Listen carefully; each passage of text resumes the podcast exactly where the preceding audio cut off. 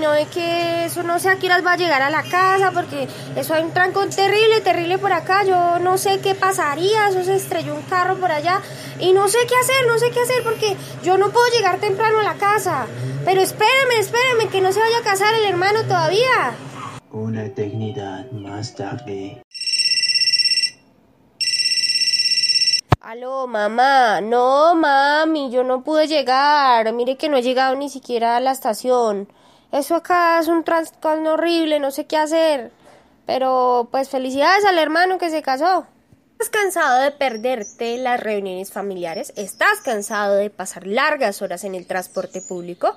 ¿Cansado de llegar tarde a la casa y cansado de esos trancones que te estresan todo el día?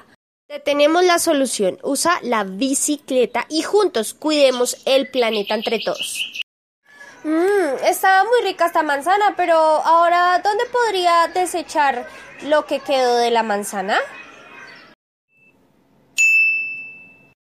Muy buena pregunta. Separa los desechos según su clasificación. Para la caneca de color azul, bota todo lo que es plástico. Para la caneca de color gris, cartón y papel. Para la de color amarillo, latas de aluminio. Y para la caneca verde, residuos orgánicos. Ahora ya sabes a dónde puedes botar los desechos. Separa la basura y cuidemos el planeta entre todos.